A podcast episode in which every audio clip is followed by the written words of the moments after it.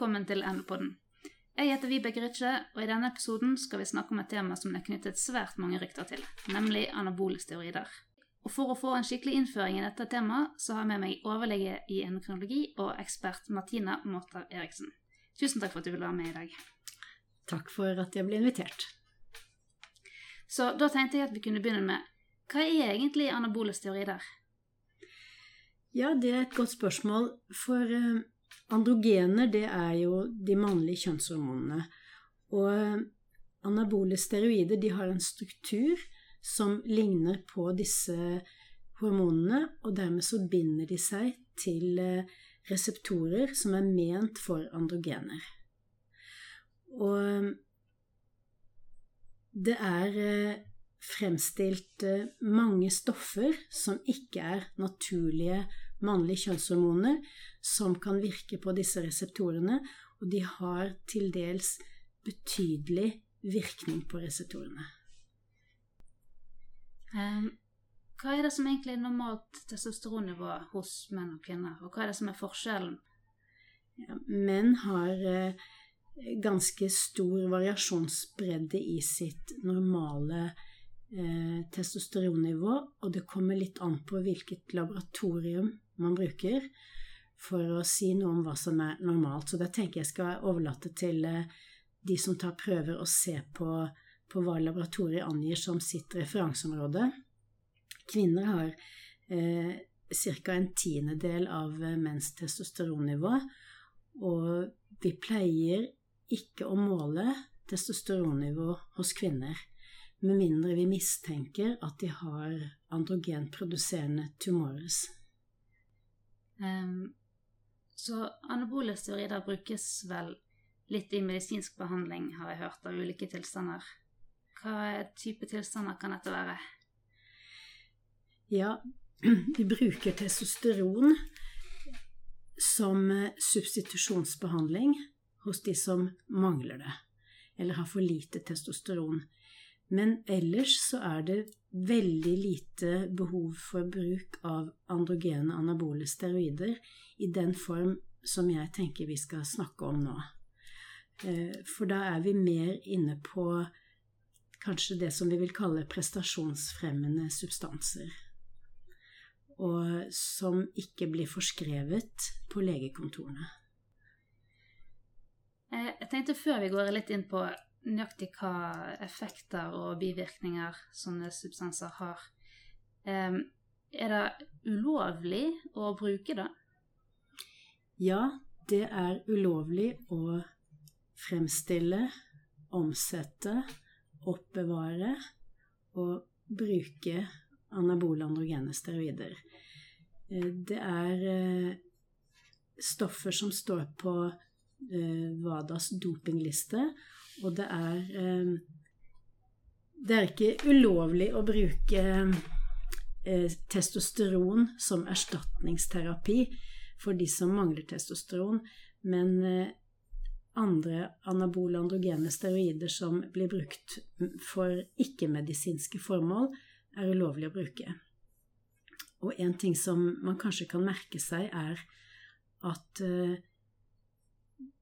det har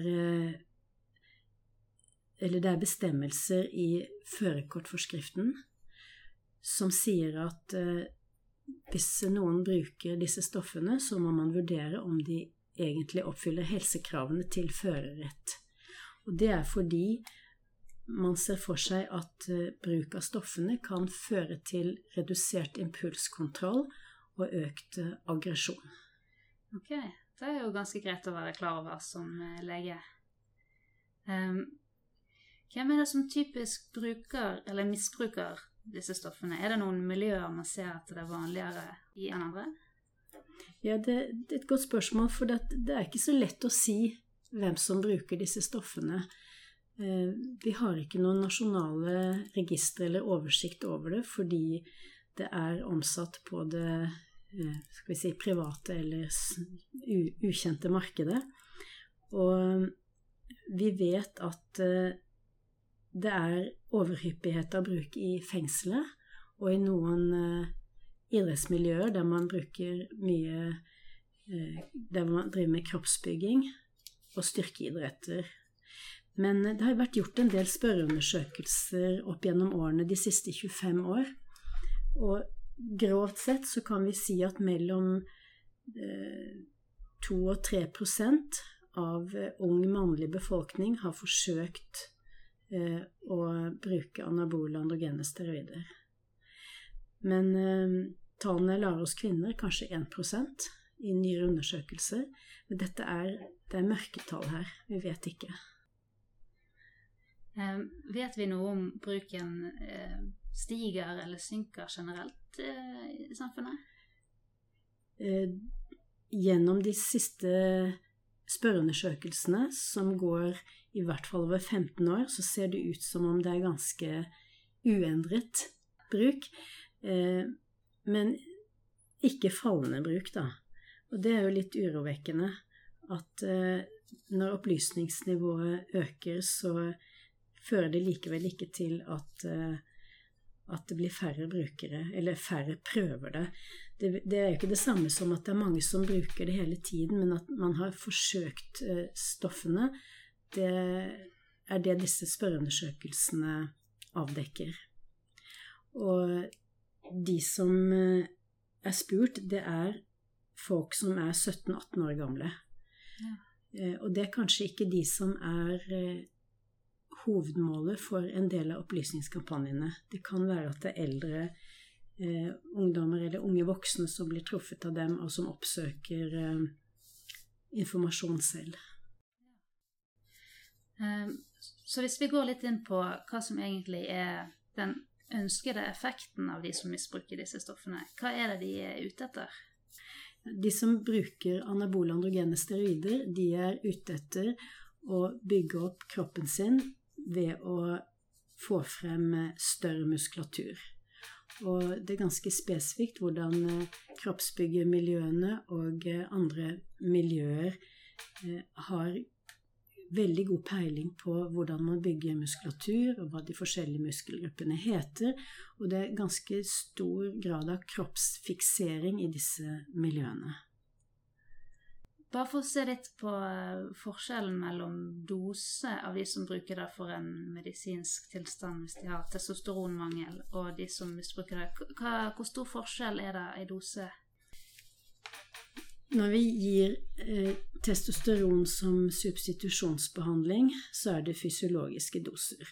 Mens de som bruker kanskje moderate doser for kroppsbygging, så snakker vi om en 5-15 eh, ganger økt eh, fysiologisk dose. Og for mange så er det kanskje også opptil 20-40 ganger eh, den normale fysiologiske behandlingen de gir seg selv. Så det er jo snakk om ekstreme doser her.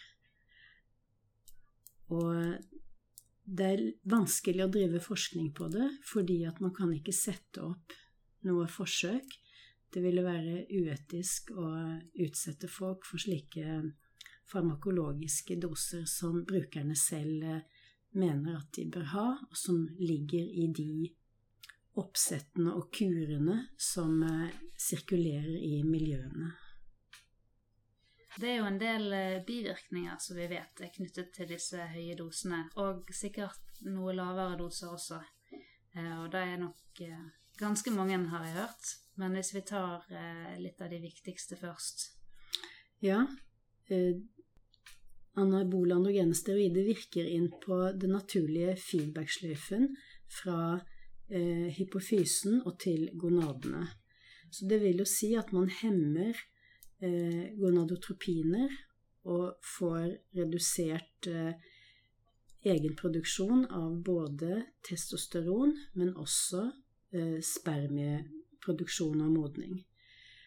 Så det vil i prinsippet si at eh, egenproduksjon av testosteron går helt ned, og eh, man oppnår en midlertidig infertilitet som regel ved bruk av disse stoffene. Det er en viktig, viktig bivirkning, og ellers er det bivirkninger egentlig på alle kroppens eh, celler fordi at det sitter androgenreseptorer rundt omkring overalt. Vi kan jo begynne øverst. Ja. ja hodet. Eh, det er en del psykiske virkninger og bivirkninger som det kan være lett å gå litt vill i, fordi eh, noen av virkningene er behagelig i begynnelsen for brukeren ved at eh, man opplever stor grad av selvtilfredshet og eh, en følelse av stor selvsikkerhet òg. Det er nok behagelig. Men etter hvert som bruken eh, pågår, så blir det mer svingende psykisk funksjon. Noen blir deprimerte, de kan få søvnproblemer, eh, de kan få utløst andre mentale lidelser som de ikke hadde fra før. Og det kan være ganske alvorlig ved at eh, noen også blir såpass eh, syke at de begår suicid etter langtidsbruk. Det har vi sett flere eksempler på, og det er en veldig, en veldig trist uh, utgang på, på, dette denne bruken av androgene anabole steroider. Mm. Uh, det var øverst, ja. Og så er det jo muskulatur, da. Uh, hensikten er jo å bygge muskulatur, men skadene kommer også. Det er muskel Eh, skader, og spesielt seneskader, fordi at muskelen er ikke dimensjonert for den treningen som eh, man legger opp til etter hvert. Eh, så er det påvirkningen av nyrene. Det dannes økt erytropoetin, som igjen påvirker beinmargen, som igjen gir økt erytropoese, forhøyet eh, erytrocytt volumfunksjon og muligheten for å få tromboser. Eh, hjertet kan påvirkes ved at man får hypertrofi av hjertemuskulatur, eh, enten total hypertrofi eller deler av hjertet, som kan gi seg ulike utslag med hjertesvikt som enderesultat. Ehm, så får man en ehm, påvirkning av lipidprofilen mot en veldig ugunstig lipidprofil ved at HDL eh, faller og LDL øker. Eh, det er også medvirkende til hjerte-karsykdom. Eh, det er også rapportert ehm, leverskade, og det er spesielt ved bruk av de 17 alfa-alkylerte steroidene som eh, inntas peroralt. Og, som tabletter, da. Og det er spesielt uheldig for leveren, for de omsettes der. Og så er det også noen rapporter om eh, malign utvikling av svulster i nyrene. Ja. Ja, Så det er ganske mange uh, bivirkninger av dette òg?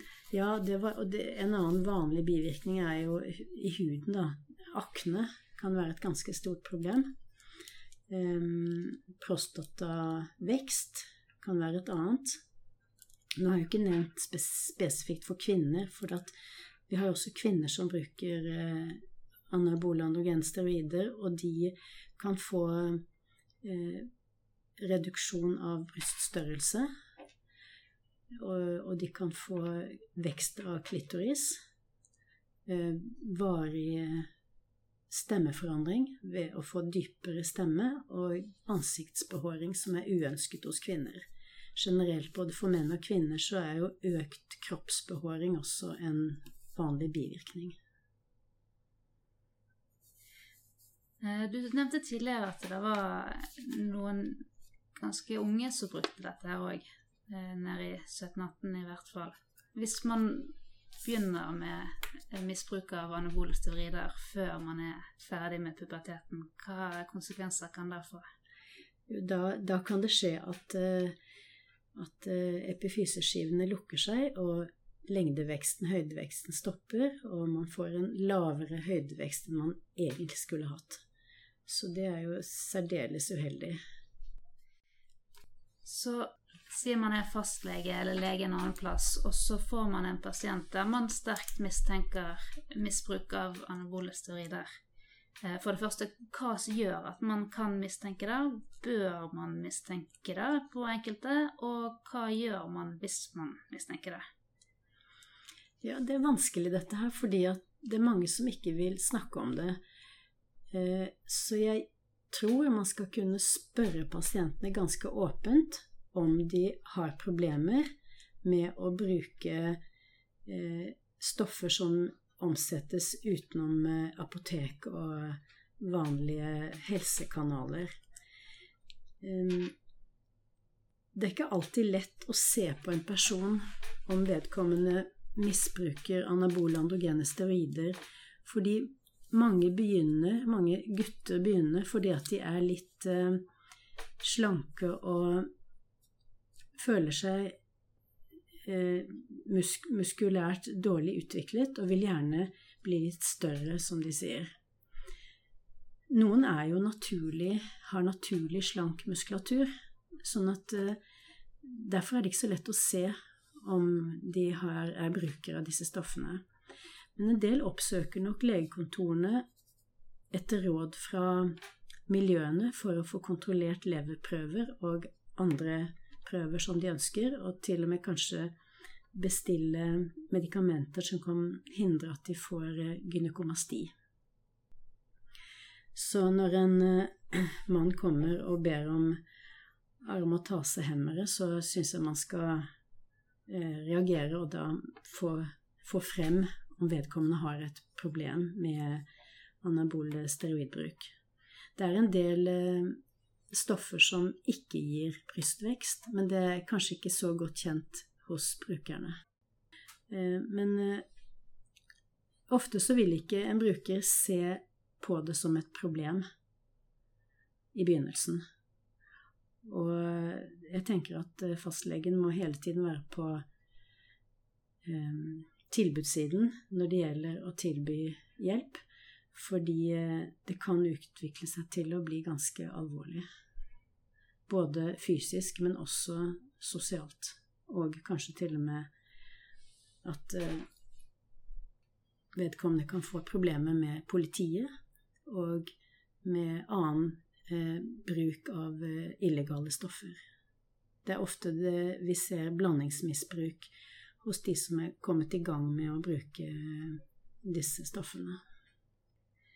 Så hvis det kommer noen til deg som lege som ønsker hjelp for sitt misbruk, um, hva gjør man? Det er, det er greit hvis de ønsker hjelp selv, for da er eh, psykiatrien riktig instans. Eh, og da er det rus- og avhengighetsmedisin som er eh, henvisningsadressen. Eh, I Oslo så har vi Steroideprosjektet, som er eh, et tilbud som har holdt det gående i nesten ti år nå, som er bygget opp og er spesialisert på å motta brukere som ønsker hjelp. Nå er det ikke alle som kan reise til eh, Oslo, da, så jeg vil jo tro at de fleste eh, psykiatriske eh, sykehus og DPS-er rundt omkring også kan motta disse pasientene. Det krever nok litt spesialkunnskap å eh, ta seg av dem og veilede dem videre. Og en ting som er viktig, som jeg tror vi må huske på at legene må tenke, det er at det går ikke an å hjelpe personene med nedtrapping. Ingen lege må skrive ut anabole androgene steroider for å få noen til å trappe ned eh, bruken sin. Det er eh, frarådet i våre nasjonale miljøer. Så man kan hjelpe folk med å forklare hvordan misbruket påvirker kroppen. På en måte å intellektualisere forståelsen deres. Eh, Men det er nok ganske tungt for mange å klare å slutte. Så tett oppfølging, støttende behandling, samtalebehandling, Eh, og hjelp fra, fra psykiatrien tror jeg må være de riktige tingene å gjøre. Og hvis du skal ta blodprøver, så, så er det jo relativt enkelt å avsløre eh, hvis man kommer til på riktig tid, da. Så da måler vi jo eh, LHFSH, testosteron og SOBG, mm. for å se hvordan det ligger an. Eh, og ganske typisk så vil gonadotopinene gonadotropinene være lave. SOBG vil være lav. Testosteron kan godt være enten høy eller lav, avhengig av hva de tar. Eh, og så bør man hos menn også måle østradiol. For, for østradiol står i forhold til androgenene som er inntatt, ved at de aromatiseres. Du sa at man må ta blodprøvene på rett tid. Hva vil det si? Ja, da tenker jeg i forhold til eh, når de tar sine kurer. For de, de kommer gjerne når de er, ikke tar kurer, men effekten av eh, bruken henger ganske lenge igjen eh, når det gjelder påvirkningen av gonadeaksen. Hvis man har brukt eh, eh, anabole steroider lenge, og man får en supprimering av gonadeaksene, Mm. Hvor lang tid eh, kan det ta, og, og vanligvis tar det, før det er tilbake igjen til normalen? Hvis det blir normalt igjen, da? Ja, hvis man klarer å slutte, så kan det ta mange måneder, og det kan ta kanskje et år. Og vi tror vel at hvis ikke man har fått egenproduksjonen i gang når det er gått et år, så kan man ha fått en permanent skade. Det vil si at, eh, at gonadeaksen ikke kommer i gang igjen, og at eh, man må gi da substitusjonsbehandling videre. Ja. Så da blir de stående på det ja, resten av livet? Det er en fare for at man da må bruke medisiner resten av livet. Okay. Så det er, eh, det er ikke helt uten mulig langtidseffekt at man prøver seg med anabole androgene steroider. Men det, dette her er jo mennene vi snakker om. Kvinnene de vil jo ikke ha behov for å bruke noe substitusjon etterpå. Som regel så vil ikke Eller vi vet ganske lite om kvinner, egentlig. Men eh, de bruker ikke så høye doser som menn sånn at eh, de vil ha muligheten for å få tilbake sin egen gonadeakse igjen. Før vi eh, avslutter her nå, er det noen viktige ting som eh, fremtidige leger eller nåværende leger bør vite om misbruk av anabole steroider? Jeg tror at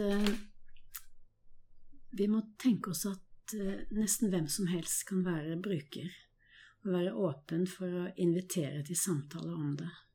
Og det gjelder både menn og kvinner, og det gjelder unge og eldre personer. Hvis man vil lese mer om eh, misbruk av anabole steroider, er det en spesiell plass man kan gå for å finne korrekt informasjon? Da vil jeg anbefale OUS sin side som heter Steroideprosjektet. Der ligger det videofilmer, ganske korte snutter med intervju av eh, tidligere brukere.